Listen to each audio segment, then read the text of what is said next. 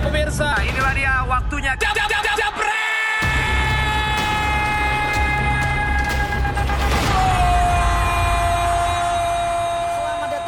Jebret Media Podcast. Wah Mario nih yang dari kemarin kayaknya kita lagi rame kalau di podcastnya Jebret Media tuh DPI, DPI, DPI, DPI. Tapi akhirnya sekarang eh, sesi yang lebih mendalam akhirnya kembali lagi Mario Delano dan visualnya bisa lo lihat langsung di Jebret Media TV. Tapi sekarang gue sudah bersama dengan Om Sabto Haryo. Om apa kabar Om? Baik, baik, Mas. Nah ini gue semacam apa ya? Kehormatan tersendiri nih bisa ngobrol sama Om Sabto Haryo yang katanya ini kamus berjalan sepak bola. Waduh, Sekarang banyak banget TV, terus juga podcast-podcast yang eh, bareng sama Om Sabto ya. Terus sekarang juga Om Sabto bikin website ya. Bikin. Bikin apa dong? Coba Om promoin Om. Websitenya apa Om? Ada. Ya namanya sama sih sama nama gue. www. Sabtoharyo.com. Wih langsung di situ kalau bisa pengen belajar di Jebreters biar nggak kayak fans kardus kalau kata Coach Justin boleh ke situ. Nah tapi di podcast ini kita main cepat aja nih Om Ya. Sabto kita ngobrolin soal eh, sosok sentral satu pemain Hmm. di satu tim. Kan banyak banget sekarang eh, ketika satu pemain itu cabut akhirnya eh, satu tim itu nyawanya hilang nih. Hmm. Kalau misalnya kita main cepat kita ngomongin soal Juve yang eh so- sorry Madrid. Madrid yang menjual Ronaldo ke Juve di dua musim lalu sampai akhirnya ya Madrid pun sampai sekarang sepertinya terseok-seok banget nih meskipun ya kalau kita ngelihat di La Liga sendiri ketika ada CR pun kadang masih kalah apa ya kalah saing sama Barsanya Messi gitu Ya. tapi kalau sekarang semakin hilangnya Ronaldo semakin hilang juga tajinya eh, Madrid di La Liga tapi kalau misalnya Om Sabto melihat sendiri seperti apa sih nih pemain-pemain yang memang daya magisnya, daya kepemimpinannya tuh di satu tim seperti apa sih Om? Ya. Eh, kalau ngacu tadi ya eh, Barcelona sama Madrid.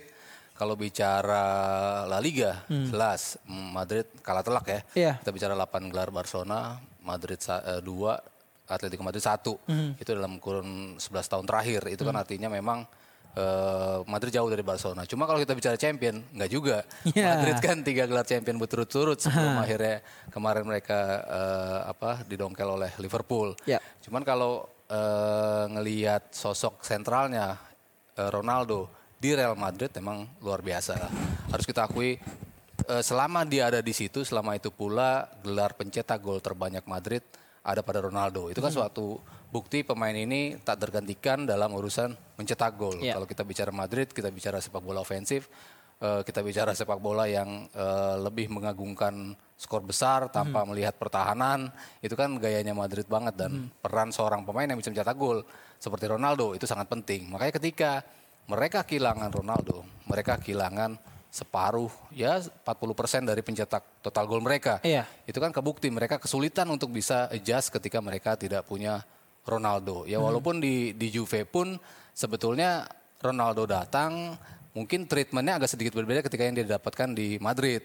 Ketika di Juve kan pemain-pemain tuh tidak terlalu memanjakan dia seperti dia di Real Madrid. Betul. Di Real Madrid kan semua bola tuh dikasih ke Ronaldo, umpan dikasih ke Ronaldo sementara di Juventus Juve. tidak seperti itu. Jadi kehilangannya Ronaldo atas Madrid juga sama kehilangannya Madrid atas Ronaldo. Jadi sama-sama kehilangan lah mereka dalam artian dia tidak diberi eh, pelayanan yang sama ketika dia dapatkan di, di Real Madrid. Cuman Real Madrid jauh lebih berat eh, perannya ketika mereka kehilangan Ronaldo. Kalau kita mundur semusim sebelumnya juga kan mereka juga kehilangan Morata sama James Rodriguez kan mereka kehilangan sumber gol. Sementara sumber gol itu bagi Madrid penting gitu, tidak ada penggantinya. Sementara Ronaldo juga eh, tidak ada penggantinya juga ketika dia cabut dari Real Madrid. Madrid sama sekali nggak dapat pemain yang setara dengan Ronaldo. Lain cerita kalau pemain misalnya kehilangan satu pemain, tapi dia bisa substitute dengan pemain yang kualitasnya mungkin mirip-mirip gitu Ya. kan. Ketika mungkin Ronaldo kemarin cabut, terus Eden Hazard langsung datang, mungkin agak sedikit eh, terobati lah kepi- kehilangannya di tahun yang sama gitu. Cuma kan ini nunggu setahun dulu, tunggu eh, turun banget penampilan Real Madrid, makanya kenapa hilang. Dan kalau saya melihat contoh Madrid, saya rasa semua tim eh, seperti itu gitu. Walaupun ya mungkin saya di sini agak sedikit kurang setuju sama Justin ya. Biasanya selalu bilang Madrid itu tim besar, tim mana pun tim besar tidak bisa bergantung pada satu pemain. Ketika satu pemain cabut, harusnya tim yang pemain yang lain tuh bisa bisa memberikan kontribusi yang sama Lebih, besarnya, iya. yang lebih besar untuk bisa menjaga kestabilan. Tapi kan nggak semua tim bisa kayak gitu gitu kan. Kehilangan satu pemain tuh ternyata penting. Nah itu terbukti kan. Tim sekelas Madrid aja kehilangan Ronaldo tuh eh, sangat besar pengaruhnya. Apalagi tim-tim lain. Kita lihat Villarreal, ketika kehilangan Santi Cazorla, mereka degradasi. Padahal dia sempat tampil di eh, bagus di Eropa kan, Iya. penampilannya luar biasa di Eropa. Lalu ketika dia pindah ke Malaga, Malaga tampil bagus sampai ke semifinal Liga Champion juga, Liga Champion juga kan di zaman eh, Manuel Pellegrini. Cabut Cazorla dari situ, hancur-hancuran juga Malaga. Jadi kan peran satu pemain tuh penting, apalagi untuk tim yang tidak besar, yang besar seperti Madrid aja pengaruhnya besar, apalagi tim yang tidak sebesar Real Madrid taruhlah yang saya sebutkan tadi salah satunya eh, Villarreal. Villarreal dan juga Malaga. Jadi kalau kita ada yang bilang harusnya tim nggak bisa goyah dengan hilang satu pemain itu nggak bisa, nggak bisa. Selalu saya bisa bantah itu karena peran pemain itu memang penting sekali di tim itu ketika dia hilang. Makanya dia tidak bisa ada penggantinya dan grafiknya nggak bisa naik lagi. Nah kan kalau eh, Ronaldo di Madrid pun dia bukan sebagai sosok kapten. Dia bukan sebagai sosok yang selalu mengemban eh, tugas oh setiap eh, pertandingan gue harus jadi kapten, gue harus bisa ngebantu tim gue. Tapi ternyata eh, bisa sampai sesignifikan itu kehilangannya Madrid eh, setelah Ronaldo cabut ke Juve. Nah kita balik ke rival dari Ronaldo sendiri yaitu Messi. Messi sampai sekarang dia di Barcelona di musim 2019-2020 ini katanya dia perpanjang kontrak dengan opsi adalah gue kalau pengen cabut kapan aja terserah gue. Ya. Nah ya, seperti itu gimana ya eh, Om Sabto ya? Ketika gue belum bisa ngebayangin ketika Barcelona itu tidak ada Messi karena beberapa tahun ke belakang Barcelona selalu identik dengan Messi setelah zamannya Ronaldinho, setelah zamannya eh, ya era emasnya Barca sebelum Messi gitu. Nah, tapi sekarang kalau sampai Barcelona kehilangan sosok Lionel Messi, akankah eh, Barcelona akan tanda kutip seperti MU kehilangan Sir Alex Ferguson nih ya? Gimana Om? Ya pasti berat berat banget lah buat Barcelona. Kita tahu eh, Messi dependensi ya kan nama istilahnya di Barcelona tuh eh, di Spanyol mereka ketergantungan pada Messi dan Ronaldo dependensi ya ketergantungan Ronaldo eh, di Real Madrid. Sementara di Barcelona walaupun ya kita eh, lihat beberapa musim ketika Messi tidak bermain, sebetulnya persentase kemenangan Barcelona itu lebih besar. Ketika Ya, Messi nggak main persentasenya mereka menang lebih besar. Jadi sebenarnya bisa diakali. Cuman kan kita bicara musim kan yang panjang. 9 bulan main terus, lalu ada tiga kompetisi berbeda yang sama beratnya. Liga Champion, eh, kalau di Spanyol ada Copa del Rey dan juga La Liga. Itu kan butuh eh, seorang pemain penting tadi dalam kurun yang panjang gitu kan. Kalau substitute dalam 1 sampai 2 bulan, bahkan tiga bulan lah Messi tidak bermain misalnya, Barcelona masih bisa lah kutak-atik kutak-atik untuk bisa tetap eh, apa tampil untuk mendapatkan tiga poin di, di pertandingan-pertandingan. Cuman kalau masuk eh, laga-laga penting, masuk laga-laga knockout champion, per, di mana peran Messi selalu besar di situ untuk menjadi pembeda. Nah itu yang mereka jelas akan kehilangan. Selain kepemimpinan di lapangan, eh, dia sekarang sebagai kapten. Lalu kita bicara kontribusi gol, musim kemarin 51 gol. Kita bicara ya asis, musim kemarin juga 20-an asis. Itu yang diberikan oleh eh, oleh Messi kepada Barcelona. Belum lagi bagaimana dia bisa membuat pertahanan lawan itu kocar kacir gitu kan. Iya. Dengan hadirnya Messi, otomatis back lawan konsentrasinya kan terbelah gitu kan. Harus jaga Messi, harus jaga Suarez, harus jaga itu kan ada untuk Messi sendiri paling nggak dua pemain yang lebih eh, konsentrasi untuk menjaga dia. Jadi kehadirannya penting untuk sebagai kapten, penyumbang gol, penyumbang asis. Dari sisi permainan dia bisa ngacak-ngacak pertahanan lawan, bisa membuyar, membuyarkan konsentrasi lawan. Itulah di mana Barcelona akan kehilangan ketika mereka sudah tidak bisa memakai jasa Messi. Berarti kan mentalitas dari pemain Barca pun nantinya setelah Messi eh, pensiun, mungkin setelah mungkin Messi pindah.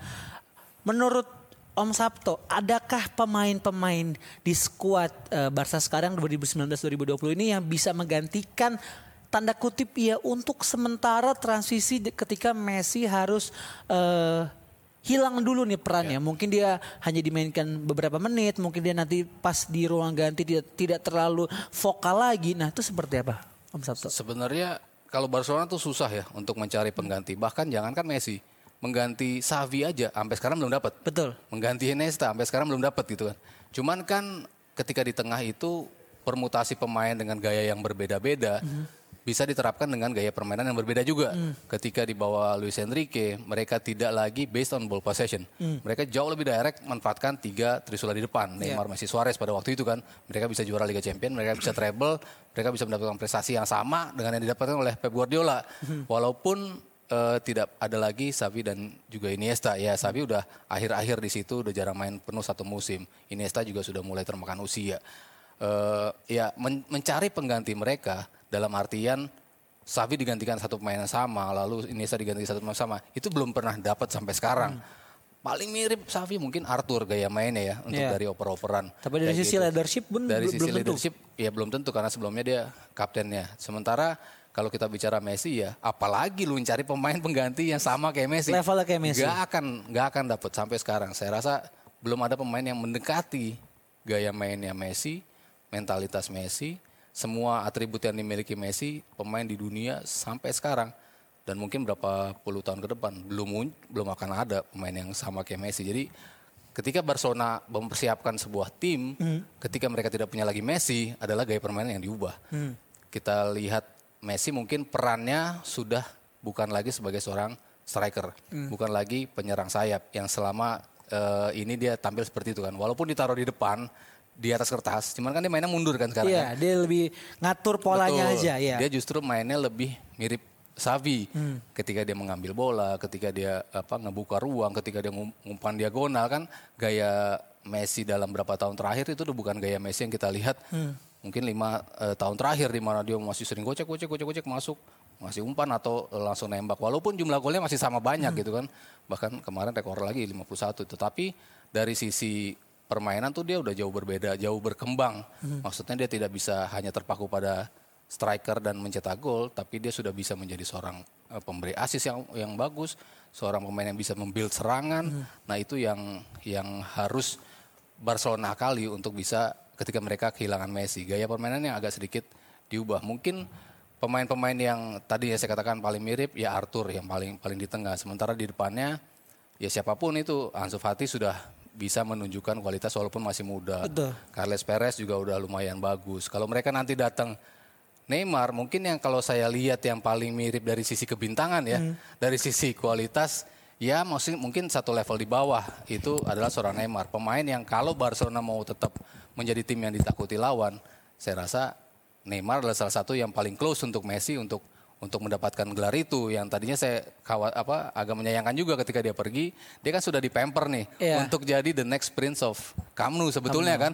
Ketika Messi pensiun udah otomatis lah Neymar yang akan menjadi the Selanjutnya. next- iya. ada penerus Messi di situ. Dari sisi kebintangan dari sisi eh, menjadi kapten juga dia bisa karena udah dibuktikan di Brasil dari sisi permainan juga gocekannya luar biasa ya walaupun orang sering melihat dia suka diving ya mungkin ya, ya tergantung yang nggak suka Neymar makin nggak suka cuman kalau yang memahami permainan dia di luar sisi non teknisnya ya itu masih pemain yang saya rasa cocok untuk menjadi pengganti Messi kalau mereka masih butuh pemain yang punya level kebintangan seperti Messi. Berarti kalau menurut Om ketika kita ngomongin soal pemain yang sangat uh, berpengaruh dalam satu tim itu harus pemain bintang. Nah, ini kalau uh, saya coba kembalikan lagi ke yang levelnya lebih agak jauh ke bawah untuk se- uh, segi popularitas, kita ngomongin ngomongin soal N'Golo Kante ketika Leicester fenomenal sekali bisa juara Liga Inggris. Ketika dia cabut ke Chelsea nih Om, uh, sepertinya bukan sepertinya memang Leicester tuh hanya one Tim mediocre. Iya, hanya tim mediocre aja cuman sebentar mereka berhasil juara Liga Inggris ketika Kante cabut beberapa pemainnya cabut tapi eh, tidak bisa maksimal lagi di musim berikutnya. Nah, melihat sosok pemain seperti Kante yang tanda kutip lebih low profile daripada kita nyebut Ronaldo, Neymar Ya, atau ya. Messi. Nah, eh kalau dari segi di dalam lapangan seberapa apa ya bisa saya bilang om ya seberapa krusialnya sih pemain seperti itu dia nggak terkenal dia hanya pemain tinggi ya tidak terlalu tinggi tapi ketika dia bermain tuh sangat berpengaruh Iya. dengan satu tim itu dan sekarang pun di Chelsea dia juga membuktikan dia bisa jadi pemain utama gitu Iya. om Itu kan yang bukti langsungnya Iya. ketika dia habis juara di Leicester, dibeli Chelsea, Chelsea langsung juara. Iya. Itu kan buktinya kan. Leicester-nya berantakan, Leicester-nya ya. berantakan, Chelsea-nya langsung juara. Berarti kan ada impact yang didatangkan oleh Golo Kante. Hmm. Kalau kita ngelihat bicara pemain yang nggak penting, nggak kelihatan penting tapi sebetulnya penting, kalau gua Hmm. lebih melihat sebetulnya Busquets. itu kan pemain yang kalau Kata orang banyak kata orang divingnya. banyak divingnya, padahal cuma sekali yang dia waktu itu ngintip doang. Hmm. Itu aja satu kesalahan yang diingat oleh orang. Ya ada beberapa blunder belakangan memang terjadi. Ya. Cuman kan Sebetulnya kalau bicara low profile, lebih low profile dia lagi kan dari sisi permainan. Kalau kita bisa melihat komparasi adalah apa yang dikatakan oleh rekan-rekan yang bermain dengan dia kan. Kalau individu yang berbicara tentang dia kan eh, dia tidak bergesekan langsung dengan dia kan. Sementara pemain-pemain di lapangan merasa mereka akan kehilangan kalau Busquets tidak ada di situ. Itu yang dirasakan oleh Sabi, itu yang dirasakan oleh Iniesta. Pema- Walaupun umpannya kelihatannya gampang, cuman pendek-pendek, cuman itu memang dibutuhkan oleh Sabi oleh Iniesta. Dia dapat satu detik untuk ketika bola itu diumpan ke Busquets, mereka tahu oh habis ini gue um- akan umpan ke mana ketika bola itu balik dari Busquets. Walaupun kan cuma kelihatannya cuma tiktak kan, padahal itu kan memberi waktu bagi Sabi, bagi Iniesta untuk berpikir habis ini ke mana serangan itu datang ketika bola itu dioper dulu ke Busquets dan Busquets sudah pasti akan balik lagi ke dia tanpa kesalahan operan. Nah itu Ya. kan per- kayaknya gampang, kayaknya sepak bola yang mungkin prakteknya di SSB gitu. Cuman kan di level yang tertinggi susah untuk mem- mempraktikkan itu. Itu yang terjadi ketika final Champions eh, Barca mengalahkan MU tuh ya. Tiki-takanya masih kencang banget dan Busquets tuh di hari itu main juga Om ya. Main main dong, kan. main, Jadi ya main. memang eh, sangat sentral sekali Iya. untuk pemain-pemain yang kita bisa bilang dari segi populari- popularitas. Sama sekali nggak populer. Iya, terus dia bisa membuktikan ternyata dia sangat penting sekali. Yang untuk- merasakan kan pemain-pemainnya ya. Hmm. yang merasakan teman-teman satu timnya yang tahu bahwa kalau nggak ada dia nggak jalan nih mesin Hmm. kita nih. Nah itu sosok Busquets. Balik lagi ke Kante, Kante dengan gaya berbeda dia Hmm. bisa memberikan hal yang sama bagi Chelsea. Sekarang bagi Chelsea. di timnas Prancis di ya? timnas Prancis, Piala Dunia pun seperti itu. Emang nih pemain ditaruh di mana pun. Kadang-kadang misalnya formasi 4-3-3 gitu kan yang sering dimainkan gitu. Walaupun 4-3-nya dia di tengah atau 4-3-nya dia di kanan gitu, tapi at the day dia tuh bisa main di mana aja gitu kan. Pokoknya bola datang, dia menjadi orang pertama yang nyaring dulu tuh bola Iya. supaya nggak nyampe ke lini tengah, nggak nyampe apalagi lini belakang gitu. Dia bisa mem- memberikan cover, dia punya kecepatan yang cukup bagus juga untuk untuk apa? Untuk ngejar bola. Lalu ketika kehilangan dia paling bertanggung jawab untuk kehilangan bola. Pemain yang betul-betul mengerjakan pekerjaan kotor timnya. Nah ini tipe apa yang dilakukan oleh Golo Kante. Jadi kalau kita eh, banding-bandingkan, emang gayanya berbeda. Ya Busquets lah, ya Kante lah, ya Casemiro gitu ya, gaya-gaya bermainnya. Walaupun posisinya mungkin eh, mirip-mirip gitu di posisi tengah, tapi yang mereka berikan agak sedikit berbeda gitu. Kalau kita bandingin lagi misalnya sorry misalnya eh Frankie De Jong gitu ya di musim kemarin tampil bagus tapi orang lebih ngelihat visi dia kan ketika ngumpan sini sana lalu pergerakan sama bolanya itu yang lebih dinilai dia sebagai pemain pemain tengah terbaik eh, di musim kemarin orang mengatakan itu kan. Cuman kalau kita lihat perannya masing-masing ya beda-beda memang gaya yang kayak gitu. Gaya pemain gelandang bertahan seperti Yaya Toure misalnya yang bisa maju ke depan yang bisa mencetak gol yang bisa memberikan assist yang seolah-olah komplit gitu kan. Cuman gaya kayak gitu untuk Barcelona nggak nggak cocok pemain gelandang bertahan yang seperti itu kan. Dia sudah sempat ada di Barcelona sukses, tapi abis itu dia nggak bisa bersaing kan sama Busquets karena gayanya memang Barcelona tidak butuh pemain yang bisa maju-maju ke depan seperti dia bisa memberikan end passing lah, bisa memberikan assist segala macam itu yang tidak dibutuhkan oleh oleh Barcelona. Jadi timnya butuh pemain seperti apa. Nah, inilah yang membedakan kadang-kadang pemain seperti itu. Kante mainnya kayak Gattuso lah ya, gerabak Iya. gerubuk, ny- ny- nyeruduk sana sini, eh, tackle selalu dapat. Itu yang dibutuhkan gaya main di Chelsea, main gelandang yang seperti itu. Yang dibutuhkan oleh Madrid kayak pemain yang ya gerada geruduk juga in a way Casemiro tapi dalam bentuk yang lebih elegan atau yang paling elegan sekalipun Busquets yang gue nggak perlu tackle untuk ngerebut bola. Itu kan yang yang gaya dia kalau sampai gue tackle berarti itu udah udah kepepet banget lah Iya. sampai gue harus melakukan tackle. Cuman dengan visinya aja dia bisa merebut merebut bola lawan. Ya kan peran-perannya mungkin sama dalam seorang gelandang tengah, tapi eksekusi di lapangannya berbeda-beda dan pentingnya juga berbeda-beda. Oke, dan kita udah ngomongin dari Ronaldo, Messi, Busquets, Kante dan juga Casemiro. Nah, kita coba ambil lagi ke posisi paling belakang sebelum kiper adalah back nih. Yang di spotlight adalah untuk tahun ini adalah seorang Virgil van Dijk, Yes. Om ya.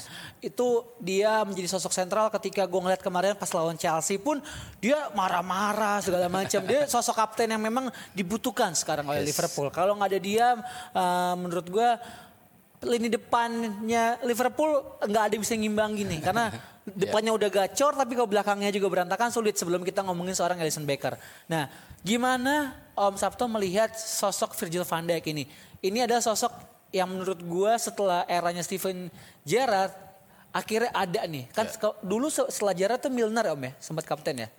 Milner, Henderson. Nah, Henderson. sampai akhirnya sekarang Virgil van Dijk hadir Terus eh, dia bisa memberikan pengaruh yang sangat-sangat optimal dan positif untuk Liverpool. Nah, Om Sabtu sendiri melihat seorang Virgil van Dijk seperti apa? Iya, kalau kaptennya kan sebetulnya masih Henderson ya. Iya. Cuman kan rotasi di tengah Rotasi itu yang tengah. membuat dia tidak selalu tampil terus-terusan. Bagaimana Klopp mau timnya main. Kalau lebih nyerang yang dimainin Fabinho, Keita Iya. atau Milner gitu. Kalau lebih bertahan butuh butuh pemain yang lebih keras, Henderson, Henderson. baru dimainkan.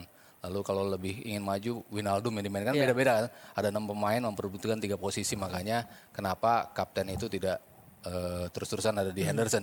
Yang selalu bermain kan otomatis Van Dijk. Van Dijk. Dan ketika orang mentertawakan Liverpool, membeli seorang back harganya 75 juta. Gila apa beli back harganya 75 juta gitu kan? Lo belum tahu aja back Iya, namanya ada Harry yang- Maguire ada yang ya. 85. 75 juta pada waktu dua tahun lalu kan mahal banget kan Ah. untuk eh, seorang back ya. Walaupun ya akhirnya kan mahal-mahal semua harga pemain Hmm. kan. Cuman pas 75 itu Liverpool mengeluarkan untuk Van Dijk. Orang menertawakan. Cuman dibeli di bulan Januari kan. Hmm. eh, Januari transfer window. Tapi impactnya menuju Mei Liverpool sampai final Liga Champion ketika. Itu. hadir seorang Van Dijk. Selama ini kan jadi lawakan kan lini Hmm. belakang Liverpool kan. Lo mau nyerang kayak apa terserah. Belakangnya begitu serangan balik kelar. Itu kan itu kan selalu terjadi pada Liverpool. Bahkan MU aja Iya. bisa bobol Liverpool kan. Oke. Anthony Martial kan gitu gaya gayanya seperti itu. Cuman ketika hadir Van Dijk dan gue langsung lihat perubahan yang sangat signifikan gitu. Liverpool lebih tenang ada dia di belakang gitu kan. Dulu ketika di press pasti bingung, bingung tuh. Mau, mau zaman Kara, mau zaman Sami Hipia, Stephen Henco. Belum ada kayak Van Dijk. ya. kalau ditekan pasti bolanya langsung dibuang keluar Ambiar. atau atau ke kanan seka- sekalian keluar gitu cuman di era Van Dijk dia berada dengan tenang handling oke Oke. lo ke sana lo ke sini set umpan gitu kan dia tenang banget gitu nah physical presence dia di belakang itu itu yang betul-betul di dirindukan oleh Liverpool betul-betul terlihat ada perbedaan ketika Van Dijk datang jadi udah nggak takut lagi tuh pema- apa fans Liverpool ya ketika ngelihat anjing diserang nih diserang diserang. Nyantai aja ada Van Dijk di situ kan dia bisa ya ngorganisir ya kalau terpaksa dia harus melakukan tackle tackle-nya juga sering bersih kan. Terus bola-bola atas dia selalu menang. Terus ya tadi yang eh, Delano katakan dia bisa koordinir teman-temannya dia bisa marahin teman-temannya woi lo kurang mundur lo ini di- dijaga garis segala macam tuh. Itu yang dilakukan oleh oleh Van Dijk. Dan dibuktikan lagi tahun depannya final Liga Champion juara itu kan Juara luar biasa. dan di liganya pun hanya beda satu poin sama City itu Itu kan sih jatuhnya memang kurang hoki aja sih Om ya. Liverpool di musim itu. Oke, Om kita udah sampai di menit sekitar 20 menitan nih. Hmm. Nanti nggak boleh lama-lama ini karena podcast nggak boleh lebih, lebih panjang daripada DPI soalnya. oh gitu ya ya ya ya, ya. Jadi sebelum Mario selesai nih Jebreters dengan Om Sabtu Haryo, kita punya games nih Om. Oke. Gamesnya adalah seandainya gue. Nah, Hmm. judulnya ada seandainya gue. Nah, Om harus jawab dengan cepat. Ketika gue menyebutkan eh, seandainya Om Sabtu menjadi apa, Om harus jawab ya. Oke. Langsung aja yang pertama nih Jebreters. Seandainya gue Steven Gerrard yang kepleset lawan Chelsea tahun 2014, maka gue bakal gue bakal nggak tidur seminggu Enggak kali tidur seminggu. Oke boleh boleh. Selanjutnya, seandainya gue Luis Suarez waktu mau pindah ke Barca gue bakal bakal pindah karena langsung dapat Liga Champions emang bakal pindah bener bakal pindah iya. Karena waktu itu dulu dulu mungkin Suarez mikirnya wah ini kayak susah nih gue ya. PHP Liverpool nih nggak bisa Liga Champions gitu ya. Oke selanjutnya, seandainya gue wasit di final Liga Champions 2018 waktu Ramos ngelanggar salah, gue bakal ngapain tuh Ramos? bakal gua kartu merah setelah ngeliat video oh belum ada VAR ya Belum ada. Oke, yang terakhir eh ada dua lagi. Seandainya gua Kenny Dalglish musim 2011 lalu gua ditawar kontrak Liverpool, maka gua bakal ngapain? Kalau Om jadi Kenny Dalglish. 2011 Iya. Enggak sih Enggak ya? gue udah ngerasa gue nggak cocok lagi ngelatih di era sekarang gitu gue harus jujur pada diri gue kayaknya gue udah nggak bisa ngelatih Oke, terakhir nih. Seandainya gue bukan fans Liverpool dan Barcelona, gue bakal jadi fans apa? Silakan dijawab, Om. aduh apa ya Kalau bukan Liverpool sama Barca om apa? Tiga, dua, satu. Silakan jawab. Aduh. Aduh dia susah. siapa ya? Bingung juga nih. Inter Lazio Sampdoria. Sampdoria. Oke luar biasa. Nah Jebreters itu dia tadi obrolan gue barengan sama Om Sabtu Haryo di edisi Jebret Media Podcast di episode ini. Tenang aja kita bakal balik lagi setiap minggunya dan tungguin terus. Jangan lupa juga untuk nonton Dewan Pandit Indonesia dari jam 9 di hari Senin sampai Jumat. Pokoknya semuanya ada di Jebret Media. Tinggal follow Instagram at Jebret Media. Oke akhir kata gue Mario Dilano bersama Om Sabtu Haryo. Om terima kasih Om. Siap. Sampai ketemu lagi Thank you, sukses. Mario biasa. Nah, inilah dia waktunya. Jab, jab, jab, jab, jab,